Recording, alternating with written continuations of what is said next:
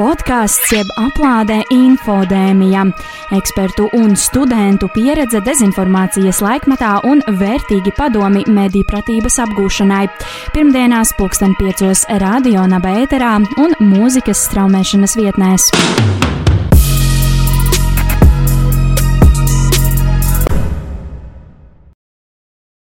Esiet sveicināti visi darbie infodēmijas draugi mūsu 28. podkāstē epizodē. Šodien ar jums studijā kopā esmu es, mans vārds ir Elīna.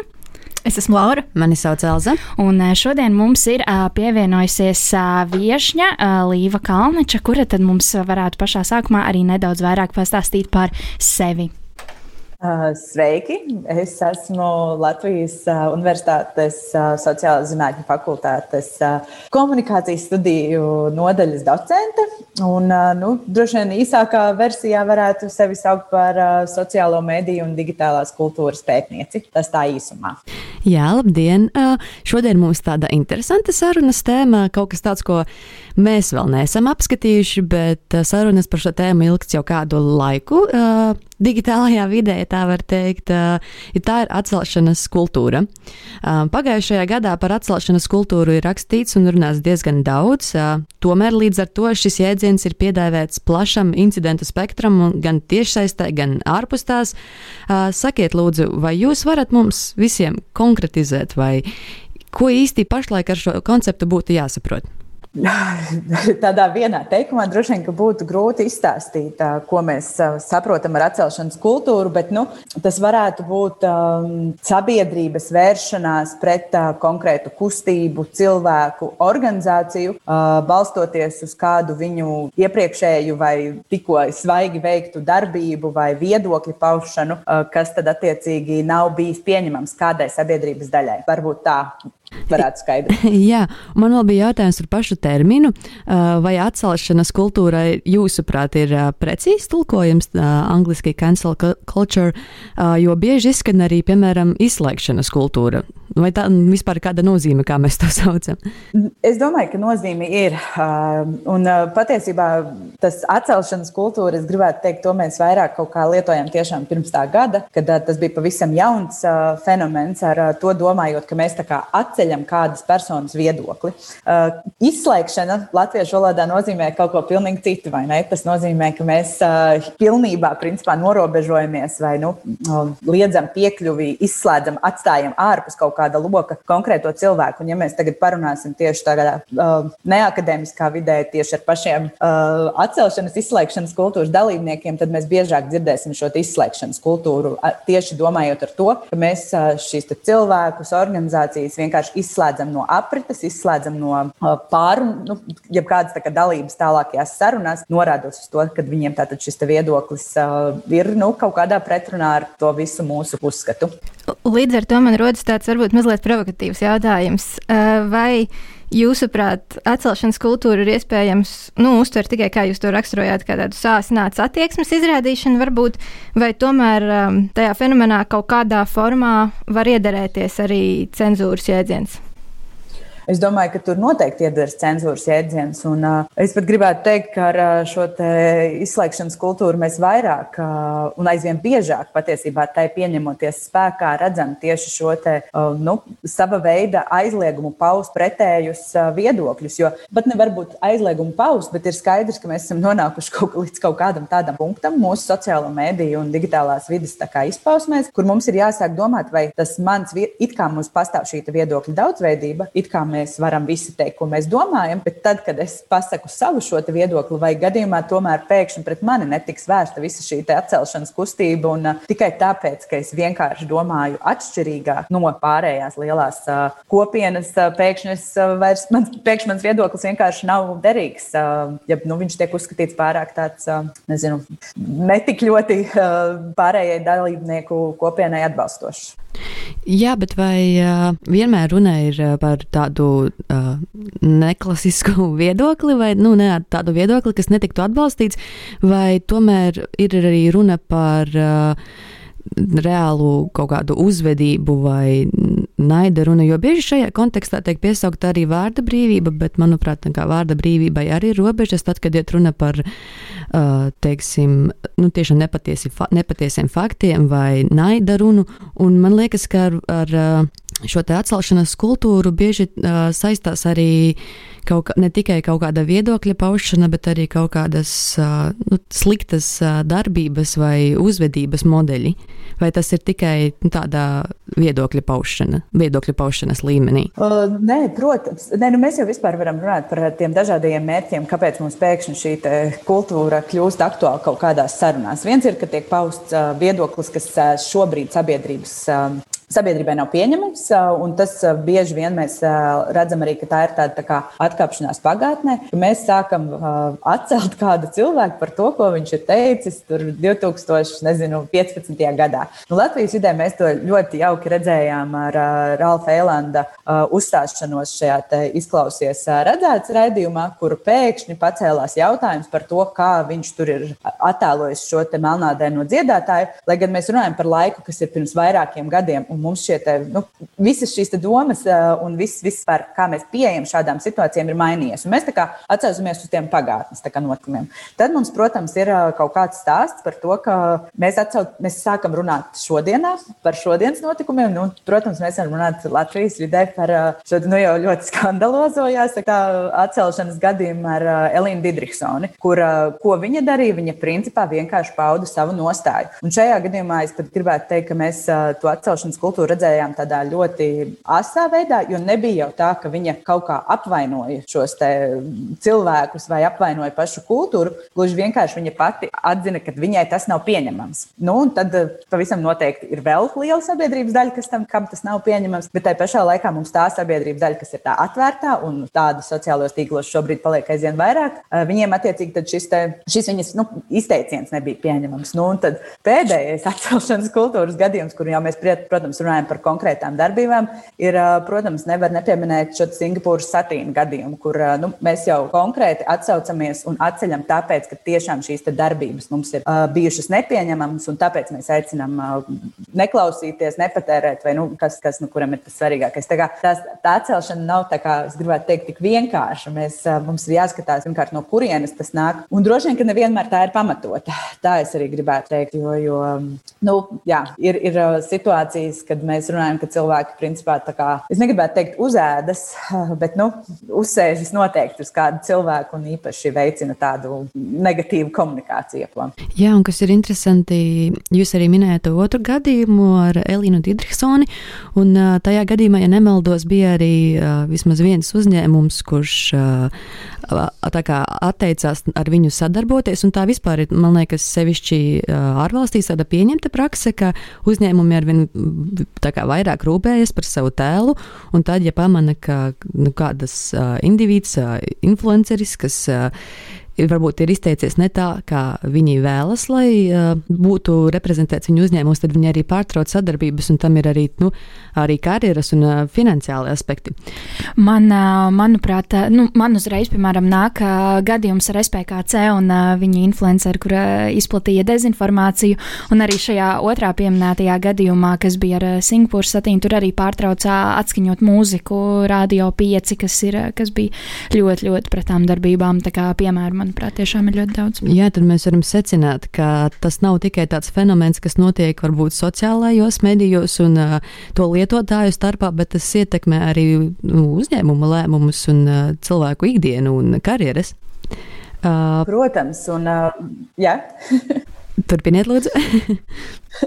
nē, nē, es gribēju tikai piebilst, ka jā, nu, pasaules kontekstā šāda atcelšana tieši ar sadarbību pārtraukšanu, vai nu mēs eh, varam atgriezties pie lielā mītū visa skandāla, kas ir par šiem te, uh, sieviešu, kā nu to tagad labi izstāstīt, sieviešu šo darbībām uh, kino industrijā, tad uh, saņemot konkrēts apvainojums, konkrēti aktieri tika izslēgti no projektiem, attiecīgi viņiem liedzot vispār piedalīties tālāk seriālos vai sakot, ka konkrētās filmu kompānijas nepārstāvēs viņus. Nu, tādā, tādā pasaules līmenī šāda vienkārši sadarbība pārtraukšana ar tiem tiem cilvēkiem, kas nepārstāv viņu vērtības, vai attiecīgi ir veikuši kaut kādas darbības, kas nav saskaņā ar viņu kopējām pamatnostādēm, ir ļoti bieži tas, ka mēs, nu, principā, tas Elīnas Didriksons gadījums ar šo te mīlu kafiju, tas ir pirmais tāds, kurš tāds reāli redzamais. Vēl vienīgi mēs varam minēt, ka tas gan bija ļoti, ļoti sen atpakaļ, bet uh, Taknas debesīs uh, vadītāju, kad uh, atcēla par uh, viņa izteikumiem, tad arī viņš zaudēja šo te, uh, vadītāja vietu. Tā iemesla dēļ, ka tad, tad tas, ko viņš pauda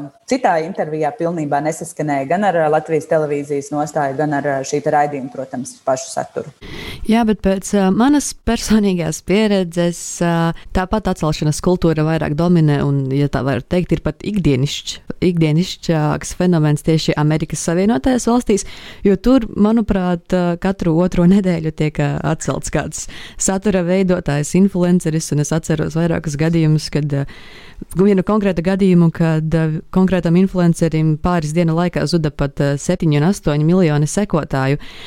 Es saprotu, ka šī vairāk tāda būtu kā minēšanas un prognozēšanas spēle, bet kā jums šķiet, vai Latvija arī varētu nonākt līdz tādai situācijai, kad nu, tādi sabiedrībā zināmi cilvēki vai uzņēmumi tiek uh, atcelt, negribētu teikt, tiek atcelti regulāri, bet nu, tas notiek biežāk un ir vairāk izplatīts? Oh, nu, mēs esam ļoti maza vide tādā ziņā. Mēs vispirms noteikti gan influenceri paši, gan, gan vispār sabiedrībā zinām, cilvēki mācās no šīm kļūdām. Un, ņemot vērā, it sevišķi, ka daļa tiešām šīs kultūras norisinās tieši sociālajos mēdījos, tad gan YouTube, gan influenceriem Instagramā ir nepieciešami šie sekotāji. Tāpēc man gribētos domāt, ka viņi būs būs uh, uzmanīgāki savos izteikumos vai vairāk vienkārši sekos tam līdzi, lai uh, nenotiktu šādas atcelšanas. Vēl es gribētu teikt, arī, ka Lat mēs kā latvieši esam vienkārši tādi, uh, nu, mēs tā uz ļoti lielām tēmām pavelkamies, un mēs pavelkamies tad un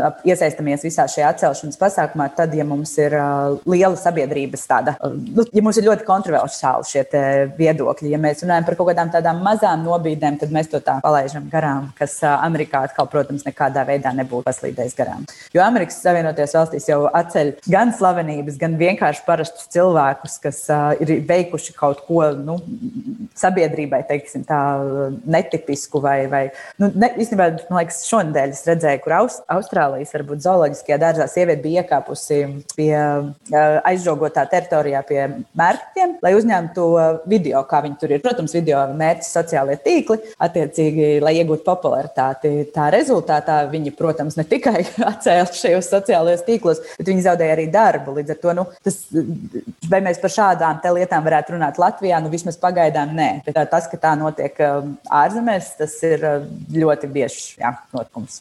Vai šajā gadījumā vispār nevar runāt arī par kaut kādu plašāku sociālo normu, varbūt noteikšanu un tādu kolektīvu reakciju, ja tās tiek pārkāptas? Nu, nerunājot tikai par, varbūt noliekot malā influencerus, tad, uh, teiksim, vai šādā gadījumā nevar būt arī kaut kādā veidā instruments, kā sabiedrībai prasīt uh, atbildību no varas institūcijām, jo arī politiķu kontekstā jau ir runāts par, uh, par atcelšanu, un, un, un varbūt, ka nav runa tikai par sociālajiem tīkliem.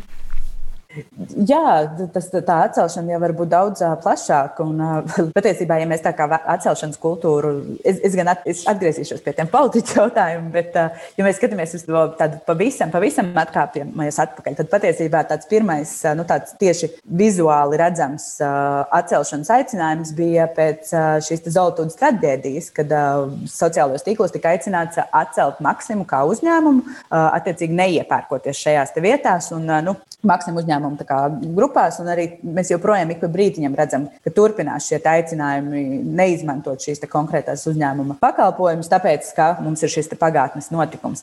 Bet um, gan ar tiem politiķiem, gan ar šādiem uzņēmumiem, um, ja tādu vien, vienu influenceru mēs varam atcelt uh, salīdzinoši vienkārši, tad uh, politiķiem aiz viņiem stāv attiecīgi vēl uh, liels vairums citu uh, institūciju un organizāciju, kas uh, to atcelšanu padara nedaudz uh, grūtāku. Un vēl ir droši vien jāpiemina tas, ka tā atcelšana jau notiek konkrēto, konkrētās vietnēs. Mēs, piemēram, Latvijā ļoti, ļoti izteikti redzam, ka tā atcelšana strādā Twitterī, kur mēs uh, uzreiz reaģējam. Un, piemēram, Twitterī kādu politiķu atcelt, tas, es domāju, ir stundu jautājums, ja mēs varam tā teikt. Bet uh, Twitters, protams, nav visa Latvijas sabiedrība. Un te rodas tā problēma, ka, piemēram, nu, Latvijā kaut kā tā izveidojies, ka Twitters ir diezgan tādi intelektuāli un, un, un sociāli politiski aktīvi cilvēki. Un tad pārējie tiem daļai droši vien vispār ir pilnīgi tumša bilde, kas notiek šajos tīklos. Un tāpat mēs atkal runājam, ka tā izolēta principā notiek atcelšana Instagramā. Šis Elīnas Didriksons gadījums kļuva populārs tikai tāpēc, ka par to sāka runāt mēdī,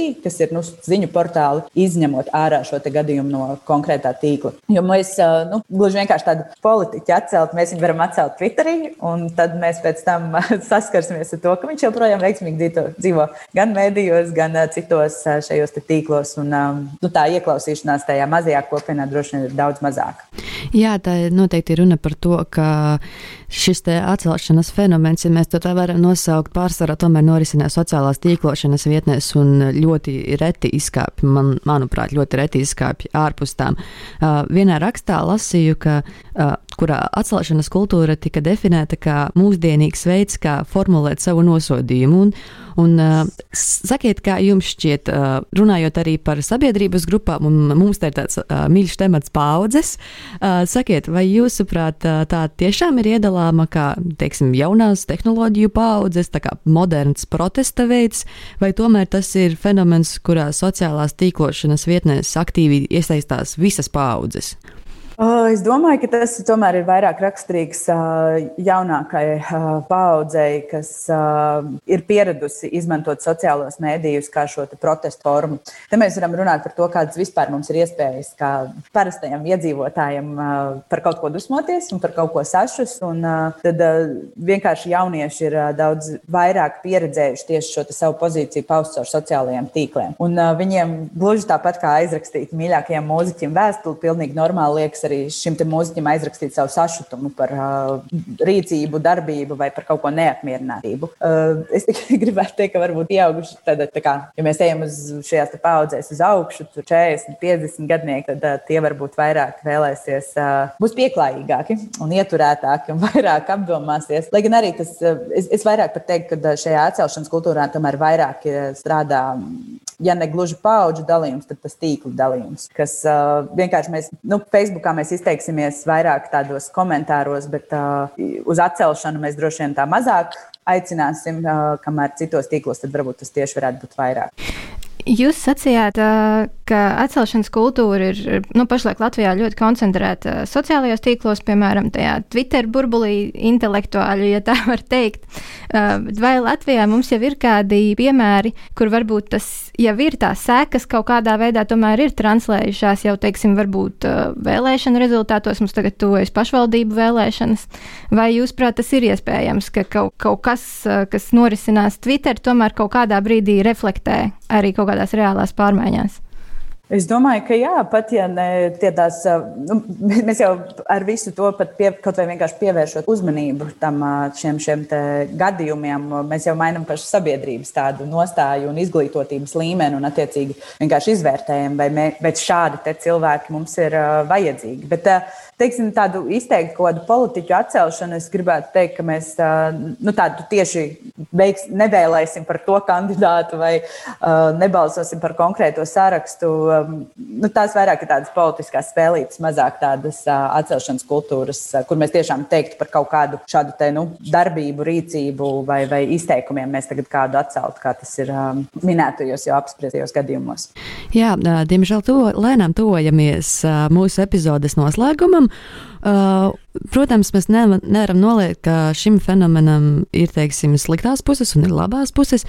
Varbūt uh, jūs varētu tās apkopot, jo es ticu, ka katram, katrai parādībai ir gan sliktie aspekti, gan uh, pozitīvie. Kā jums šķiet, uh, kādi tie varētu būt un kuru ir vairāk? Uh, nu, pozitīvais noteikti ir tas, ka tā ir iespēja sabiedrībai uh, paust savu viedokli un uh, tikt sadzirdētam, un patiesībā kaut kā tiešām ar savām darbībām ietekmēt uh, to, kas pirms tam nav bijis ietekmējams. Nu, kaut vai kaut kādas sadarbību noslēgšanas, vai tev pašu, nezinu, amata ieņemšanas, kur sabiedrība sakot, ka tas nav viņai pieņemami, tad mēs varam virzīt. Un, nu, nu, es saku, šī mītū kustība ir ļoti spilgts piemērs tam, kā principā var mainīt veselu industriju, balstoties uz to, kas sākas kā atcelšana konkrētiem cilvēkiem un beigu beigās jau uh, noved pie tā, ka mums ir um, Vienkārši nu, cerēsim, ka labāka vide. Bet nu, negatīvā puse noteikti ir tā, ka tas, tas gan jātiecina uz jebko internetā, ka mēs jebkurš varam piedalīties šajā kultūrā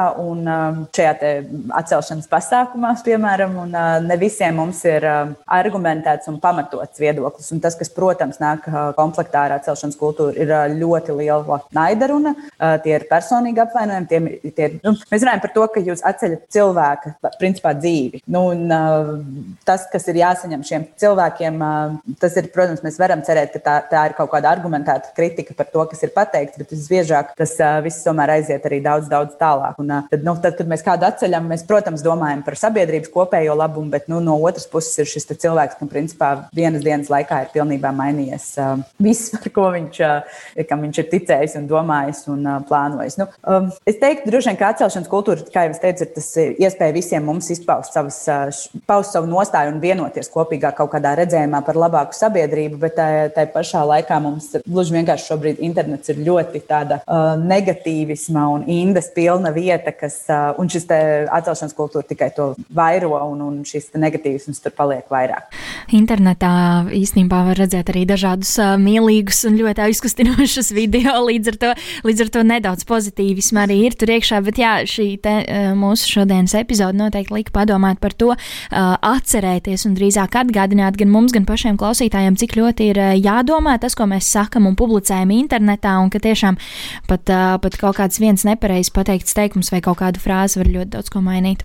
Jā, un arī ne tikai tad, ja tu esi kaut ko nepareizi pateicis, bet arī tad, ja tu redzi, ka, ka kāds cits ir kļūdījies, jā, nav jau slikti paust savu nostāju, ka viņš ir darījis nepareizi, bet tai kritikai tad būtu jābūt uh, kontru, konstruktīvai un pamatotai, pamatotai par šo tēmu, nevis uh, uh, apspriest izskatu vai vēl kaut ko tam līdzīgu, kas bieži vien ar to nav saistīts tā gan varētu būt. Atgādināšu vēlreiz klausītājiem, ka pie mums šodien studijā attēlināti infodēmijas 28. epizodē bija Līva Kalneča, un šodien izrunājām visu par un ap tā saukto cancel culture, jeb atcelšanas kultūru. Izslēgšanas. Izslēgšanas, jā, nu, jā, jā. Un, un, un, un, un ja, jums, ja jums vēl interesē kāda, kāda cita mūsu podkāstā epizode, droši pieslē, pieslēdzieties, sameklējiet mūsu mūzikas straumēšanas vietnē Spotify. Un, protams, protams, arī katru pirmdienu pulkstenā piecos pēcpusdienā skanam uh, radio Naba 95,8 ēterā. Paldies jums liels, Līva, par pievienošanos šodien! Paldies! Un uh, kopā ar jums tad šajā epizodē biju es, mans vārds ir Elīna. Es esmu Laura. Elza. Un paldies visiem par uh, klausīšanos, lai jums uh, saulaina vasara un uh, viss izdodas un viss forši, visu labi sanāk noslēgt skolā. Atā! visu labu! Podkāsts jeb aplādē infodēmija, ekspertu un studentu pieredze dezinformācijas laikmetā un vērtīgi padomi mediju pratības apgūšanai. Pirmdienās pulksten piecos radio nabēterā un mūzikas straumēšanas vietnēs.